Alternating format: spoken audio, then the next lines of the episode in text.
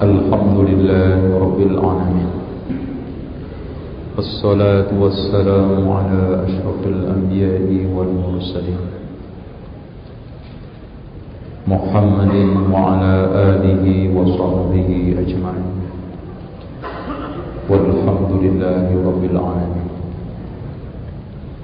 Ikhwas sekalian Kita lanjutkan sisa makalah Tidak sembarangan kita mengkafirkan kaum muslimin dengan dosa yang dia lakukan bahkan kalau kita ingin mengkafirkan ta'yin harus memiliki eh, lim, eh, empat syarat. Yang pertama yang dikafirkan balik dan berakal alias mengkafirkan orang gila nggak ada gunanya.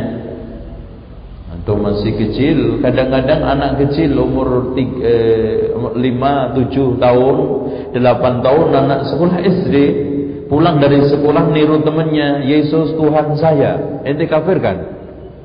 Enggak. Karena dia sekolah SD SDN negeri. Sama teman-temannya kepengaruh sama anaknya orang Kristen. Pulang-pulang Yesus Tuhan saya. Eh enggak kafir anak kecil. Yang kedua perbuatan kafir itu dilakukan dengan sengaja. Tidak dipaksa tidak kepleset. Contoh aja seperti ada Rasulullah mengungkapkan sesungguhnya Allah lebih senang menerima taubat kalian lebih daripada ketimbang orang yang kehilangan unta.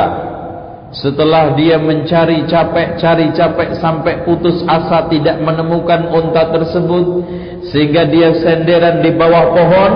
Ketika itu dia datang untanya datang dengan sendirinya saking senengnya untanya ketemu dia mengatakan Allahumma anta abduka wa ana rabbuka akhta'a min syiddatil farah. Ya Allah, engkau hambaku, aku Tuhanmu. Kebalik saking senangnya. Kafir enggak ada orang mengatakan, "Ya Allah, aku hambamu, eh, engkau hambaku, aku Tuhanmu." Kafir enggak? Kafir. Wong mengatakan saya Tuhan aja kafir apalagi saya Tuhannya Allah. Tapi karena dia kepleset, kebalik, saking senangnya nggak sadar, maka ucapan itu tidak menyebabkan dia difonis kufur. Seperti Mu'ad bin Jabal pernah sujud sama Rasulullah ketika ditugaskan ke Syam. Setelah melihat uskup-uskup dihormati dengan cara sujud, kemudian mengatakan dia, nanti kalau saya pulang ke Madinah, saya akan hormati Rasul dengan sujud seperti uskup-uskup ini karena Rasul lebih berhak daripada mereka. Setelah pulang ke Rasulullah betul sujud sungkem langsung. Langsung Rasulullah mengatakan, "Mahada ya Mu'ad?" Apa-apaan ini ya Mu'ad? Ya Rasulullah, saya engkau tugaskan ke Syam. Saya melihat uskup karena daerah sana daerah Kristen kekuasaan Romawi Ketika itu uskup-uskup dihormati dengan sujud. Engkau lebih berhak ya Rasulullah. Saya hormati uskup orang fasik. Kau lebih berhak. Ya Mu'ad, lau anni amartu ahadan ay yasjuda li ahadin la amartu mura'atan an tasjuda li zawjiha li idami haqqihi 'alayha. Wahai Mu'ad, kalau saya boleh menyuruh orang sujud ke orang, saya akan perintahkan perempuan sujud kepada suaminya karena besar haknya atas dia. Tuh lihat. Tidak disikapin dengan demikian ya ikhwan, tolong diucapkan masalah tahdir bukan berarti enggak boleh mutlak dan boleh mutlak. Masalah hajar bukan tidak boleh mutlak. Akhir artinya ada yang mutlak us hajar-hajaran tahdir-tahdiran apaan itu? Enggak enggak benar juga mengingkari secara mutlak hajar juga enggak benar. Membenarkan mutlak-mutlakan pokoknya manfaat manfaat yang penting tahdir berjalan ini juga enggak benar. Lihat maslahatnya. Kalau maslahatnya sekarang hajar dihajar. Kalau enggak ditinggalkan. Selanjutnya ikhwan Kekufuran orang bisa difonis kafir syarat yang ketiganya adalah iqamatul hujjah. Sudah ditegakkan hujjah sudah disampaikan dalil. Dan yang ketiga keempatnya ada mutakwil tidak ada salah takwil. Contoh saja ada orang menghalalkan khamr. Ada menganggap bahwa ayat wala taqrabus salata wa antum sukara hatta ta'lamu ma taqulun. Janganlah kalian mendekati solat sementara dalam keadaan mabuk sampai sadar berarti kalau enggak solat boleh mabuk. Ini kan salah paham ini. Padahal ayat itu sudah di nasakh, di, dihapus hukumnya. Ini salah takwil. Sekarang hadirin sekalian, kita akan memasuki sunnah, definisi sunnah menurut bahasa istilah dan definisi ahli sunnah menurut bahasa dan istilah. Ya ikhwan, sangat penting sekali mendefinisikan sunnah. Karena banyak di antara umat Islam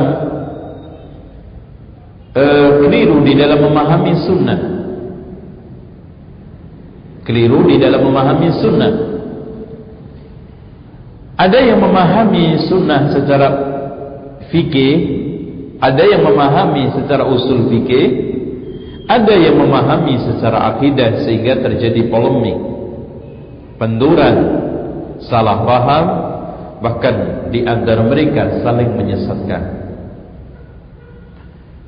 Makanya sebelum berbicara masalah sunnah Hendaknya kita harus mengenali apa itu sunnah. Sunnah menurut bahasa adalah tariqah wasirah. Ini yang harus kita pahami. Sunnah menurut bahasa adalah tariqah wasirah. Contoh, kalau ada orang mengatakan uh, sunnah Nabi berarti at-tariqah wasirah atau bisa disebut dengan jejak. Jejak. Jejak perjalanan hidup atau cara itu sunnah. Cara beragama Rasulullah berarti sunnah Rasulullah. Kalau kita mengatakan sunnah Rasul berarti cara beragama Rasulullah, jejak hidup Rasulullah, perjalanan hidup Rasulullah. Itu sunnah. Kalau begitu ada di sekalian sunnah tidak ada bedanya dengan manhaj. Karena manhaj itu juga artinya tariqah, cara beragama, jejak, perjalanan. Makanya manhaj Nabi berarti cara beragama Rasulullah, perjalanan hidup Rasulullah dan siratul Rasul di dalam beragama. Manhaj Makanya disebutkan dalam firman Allah likullin syir'atun wa minhaj. Likullin minkum syir'atun wa minhaj. Masing-masing memiliki syariat dan manhaj. Sunnah menurut arti bahasa bisa bermuatan celak dan pujian. Artinya sunnah menurut arti bahasa itu bisa digunakan untuk perkara yang tercela perkara yang terpuji. Contoh man sanna fil islami sunnatan hasanatan falahu ajruha wa ajru man amila biha la yanqusu min ujurihim syai'a. Berarti sunnah hasanah wa man sanna fil islam sunnatan sayyi'atan. Berarti ada sunnah sayyi'ah. Falahu wizruha wa wizru man amila biha la yanqusu min awzarihim syai'a. Ya. Siapa yang sekarang ini menyebarkan sunnah yang baik menghidupkan sunnah yang baik maka akan mendapatkan pahala dan pahala orang yang menirunya dan siapa yang menghidupkan sunnah yang jelek maka dia akan mendapatkan eh, pa, eh, pahala ini maaf dosanya dan dosa orang-orang yang menirunya. Itu sama aja di dalam firman Allah, "Man dalla ala khairika fa'ilihi." Siapa yang menunjukkan keburukan seperti yang melakukan eh, siapa yang menunjukkan kebaikan seperti yang melakukan, berarti siapa yang menunjukkan keburukan maka seperti yang melakukan juga pahalanya. Ya ikhwan, tolong dicamkan. Ada orang yang berhujjah dengan man sanna sunnatan fil Islam wa man sanna sunnatan fil Islami sayyi'atan dibolehkan membuat bid'ah. Karena dia terjemahnya man sanna siapa yang membuat sunnah. Jelas ini salah. Karena man sanna di situ bukan membuat, tetapi yang sahih man sanna ay man ahya. Walaupun di sana hadisnya dhaif yang dikeluarkan oleh Imam At-Tirmidzi di dalam sunannya man ahya man ahya sunnati faqad ahabbani wa man ahabbani kana ma'i fil jannah. Tapi sanadnya dhaif jadi man ahya. Namun didukung dengan hadis yang sahih man uh, ahya sunnati qad umitat siapa yang menghidupkan sunnahku yang sudah dimatikan contoh di kampung selama ini tidak ada sholat jamaah. Antum hidupkan sunnah sholat jamaah. Itu maknanya manzanna sunnatan bil Islam. Atau selama ini Masya Allah di kampung tidak ada yang jilbaban Ada satu dua berpakai jilbab Man sanna eh, man ahya Orang yang mengatakan Man sanna siapa yang membuat Salah terjemahan. Kenapa mas? Tidak melihat kalimat man sanna fi. Kalau membuat harusnya man sanna lil. Man sanna sunnatan hasanatan lil Islam berarti membuat. Karena man sanna untuk li kan untuk. Tapi di sini man sanna fi artinya di dalam Islam sudah ada sudah wujud, sudah disyariatkan, bahkan sudah diajarkan Rasulullah, namun mati karena tidak diamalkan. Sehingga man sanna sunnatan hasanatan fil Islam falahu ajruha wa ajru man amila biha la yanqusu min ujurihim syai'a man sanna fil islami sunnatan sayyi'atan artinya subhanallah di kampung ini biasa baik semuanya. Salat jamaah bagus wanita semua jilbaban sunnah hidup tidak ada satu kebid'ahan eh tiba-tiba ada orang datang nongol bikin tradisi baru. Menghidupkan bid'ah baru Nah ini man sanna fil islami sunnatan sayyi'atan. Allah ya ikhwan, kadang-kadang di suatu lingkungan tidak ada satu uh, kesesatan. Kemudian ada ustaz uh, dari kalangan mereka-mereka yang cinta tradisi dan uh, cinta kebiasaan-kebiasaan buruk dihidupkan di tengah masyarakat kemudian jadi semara man sanna fil islami sunnatan sayyi'atan dan pernah di kampung saya dulu cuma tahlilan sama berjanji. Kemudian ada santri dari Jombang membuat setiap ada orang yang tahlilan menyelamatin orang kematian baca Quran khataman dari pagi sampai khatam. Akhirnya jadi tradisi dan semarak man sanna sunnatan sayyi'atan fil Islam.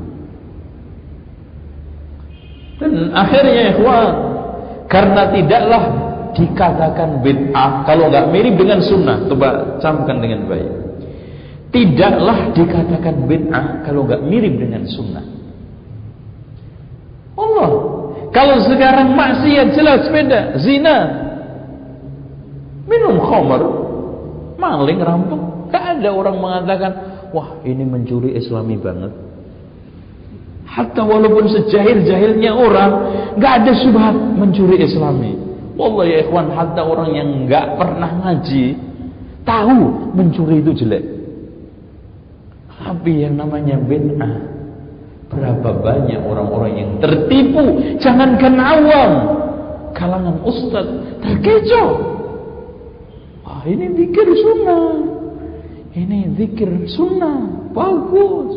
Wong sholat kok dilarang Wong zikir kok dilarang Baca sholawat kok dilarang. Ustaz yang ngomong itu. Kita nggak melarang sholawat Tapi ngelarang penyimpangan sunnah dalam sholawat.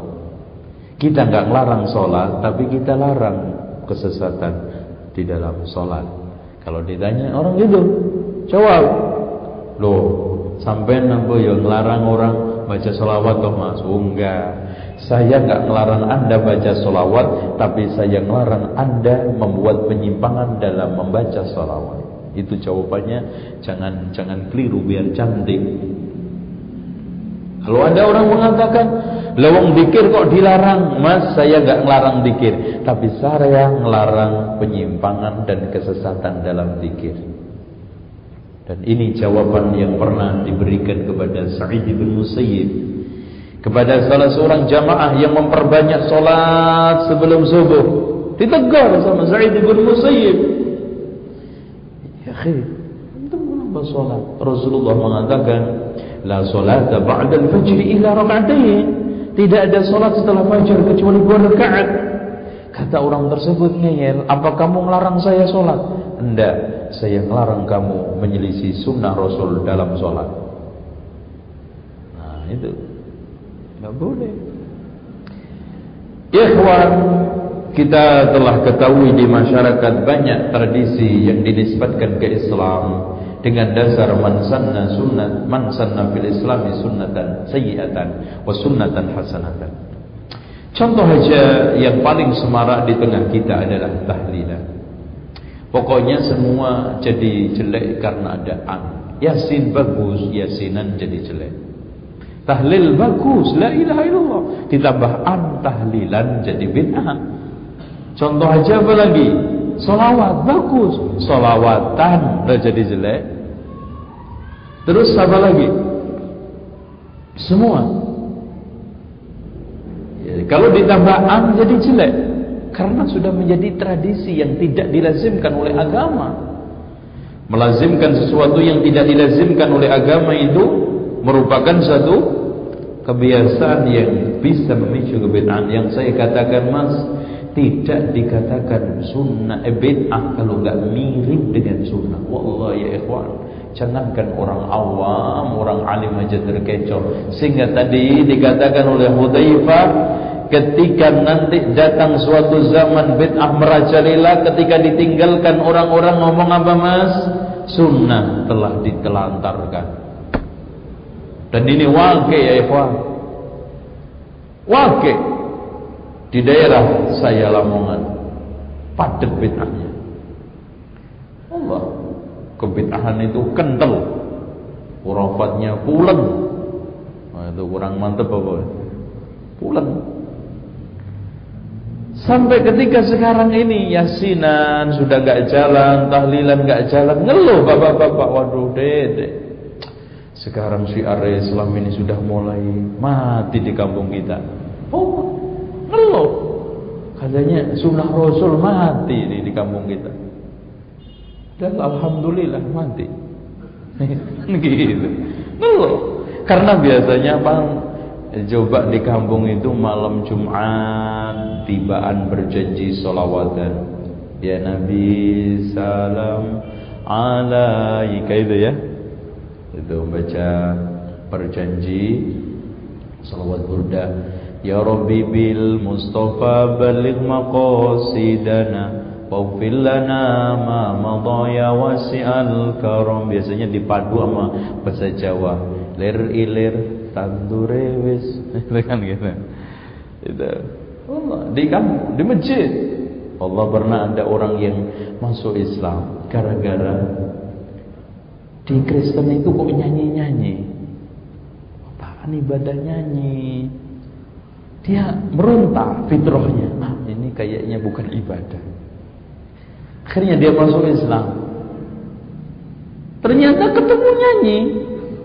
Allahu Akbar itu kecewa betul orang-orang Kristen makanya Allah berfirman Rabbana la taj'alna fitnatan lil ladzina kafaru Ya Allah janganlah jadikan kami sebagai sumber fitnah buat orang kafir. Gak masuk, gak jadi masuk Islam gara-gara tampang dan terjemahan kita terhadap Islam kurang elok.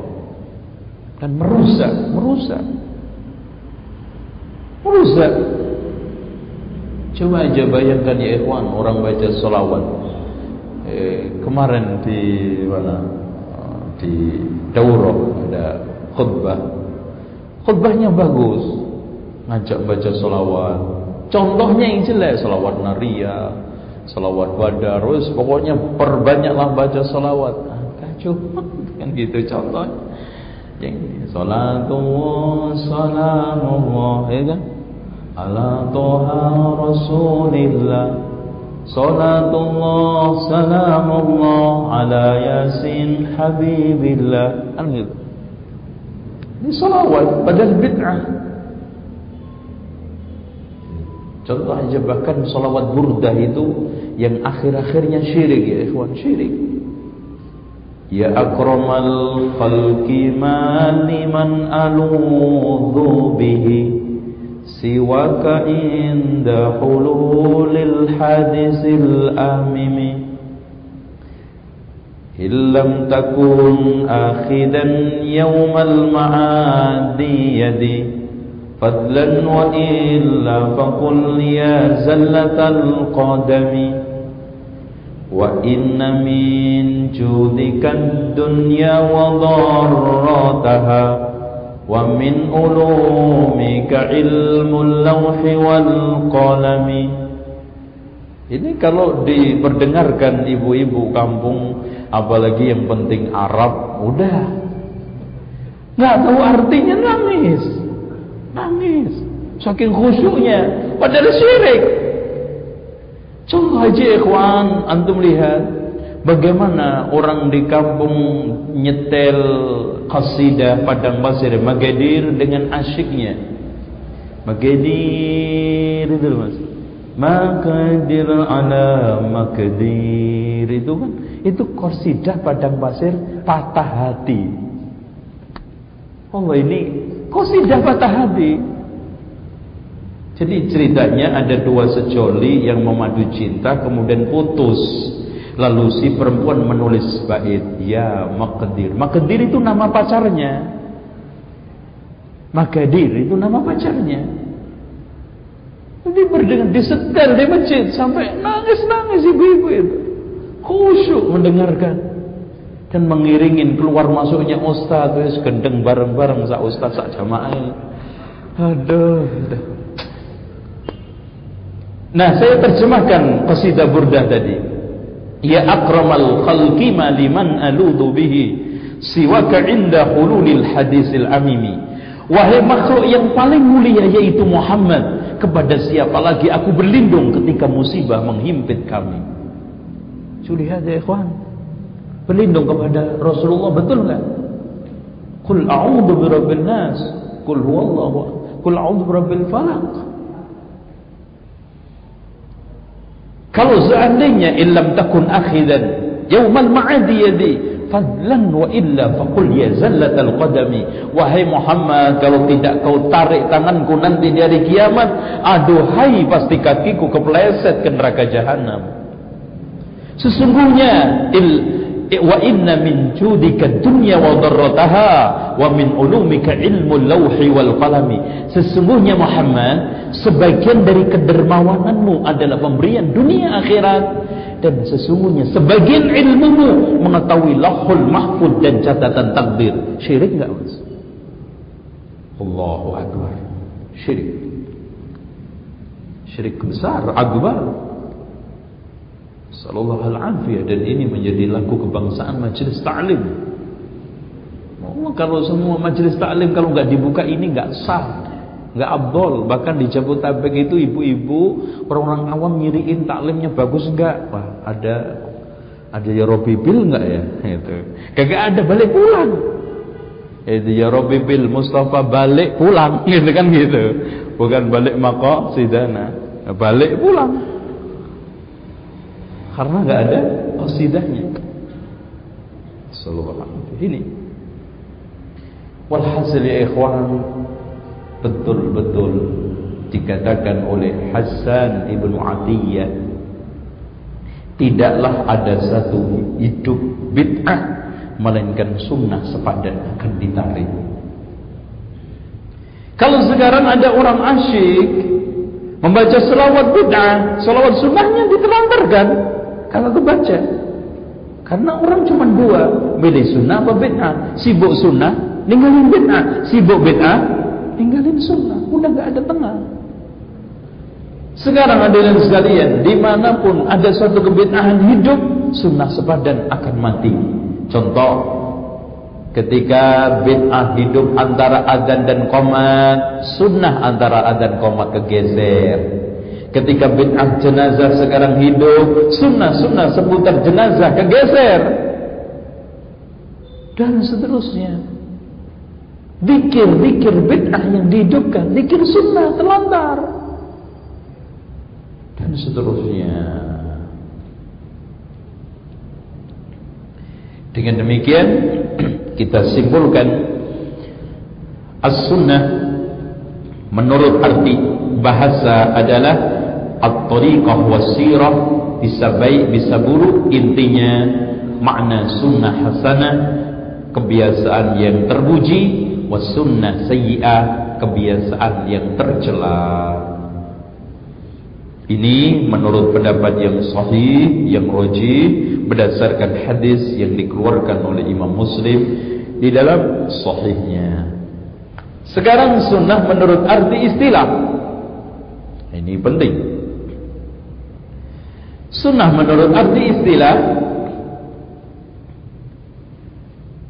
kita harus pilih menurut mana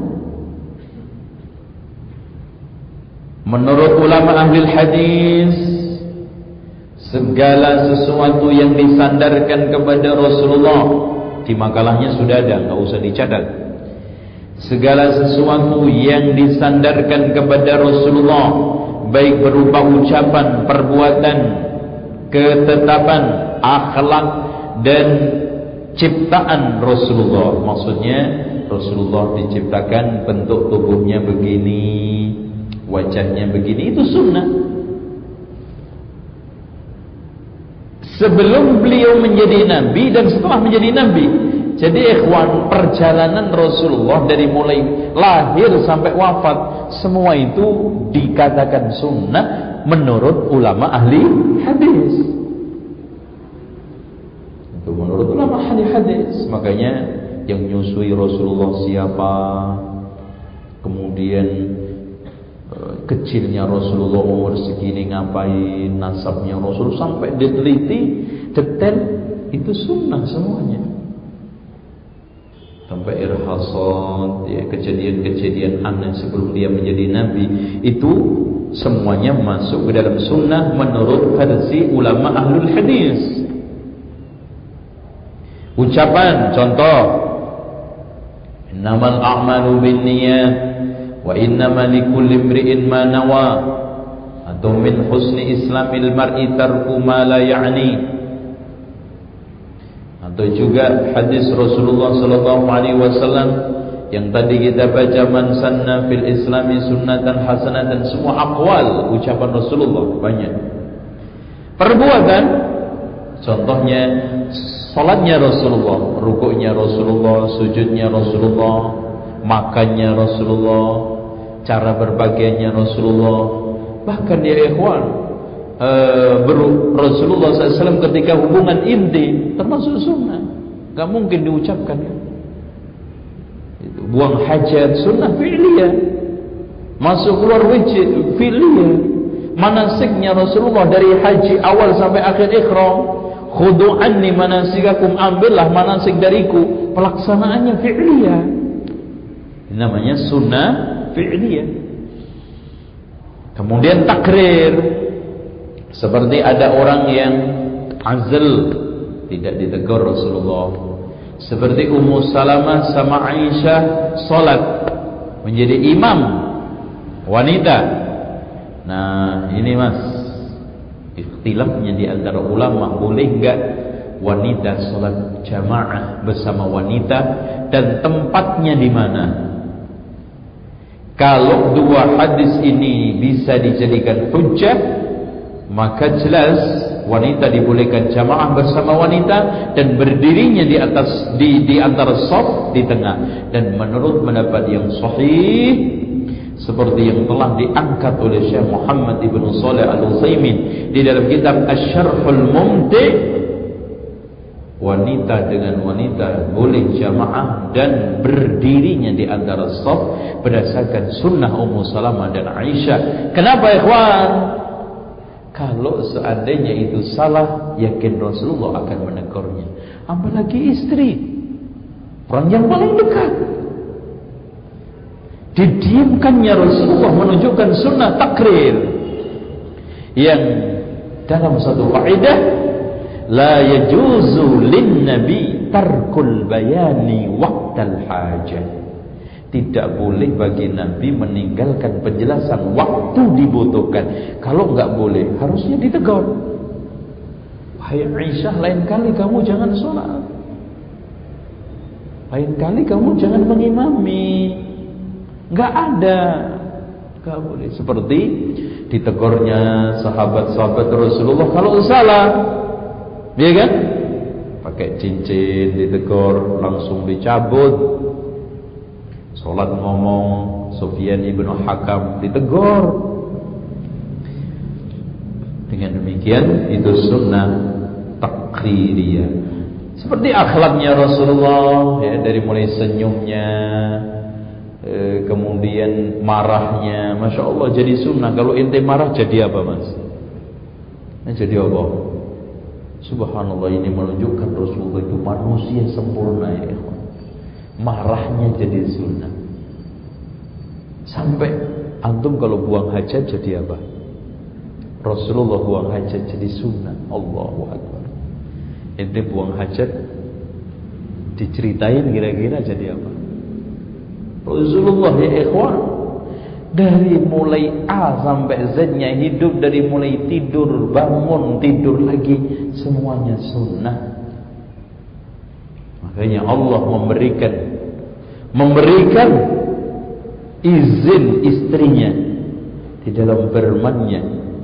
Wadkurna ma yutla fi buyutikunna min ayatillahi wal hikmah Wahai istri-istri Rasul, tuturkan, sampaikan apa yang terjadi di rumah kalian dari ayat Allah Allah yang turun, hikmah sunnah Rasulullah yang terjadi. Ikhwan, ada enggak kita punya keberanian menceritakan isi rumah tangga kita? Bakal kebongkar aib kita. Akbar. Wadkurna Gak ada yang ditutupin sedikit pun. Wadkurna ma yutla fi buyutikunna min ayatillah. Di antara ayat Allah yang turun pernah, maka ini kebanggaan Aisyah. Ketika saingan sama istri-istri lain biasa, punya istri double itu pasti saingan. Dan itu wajar.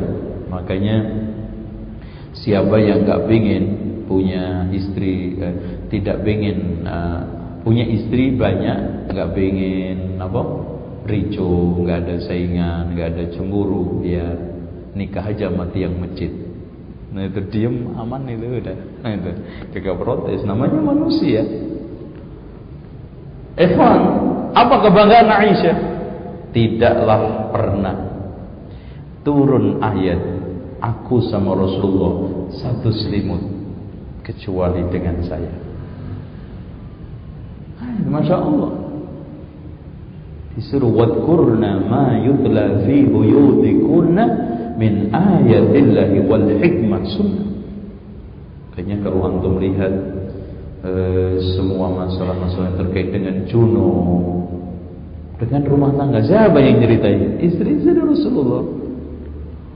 Subhanakallah Alhamdulillah illa Wassalamualaikum warahmatullahi wabarakatuh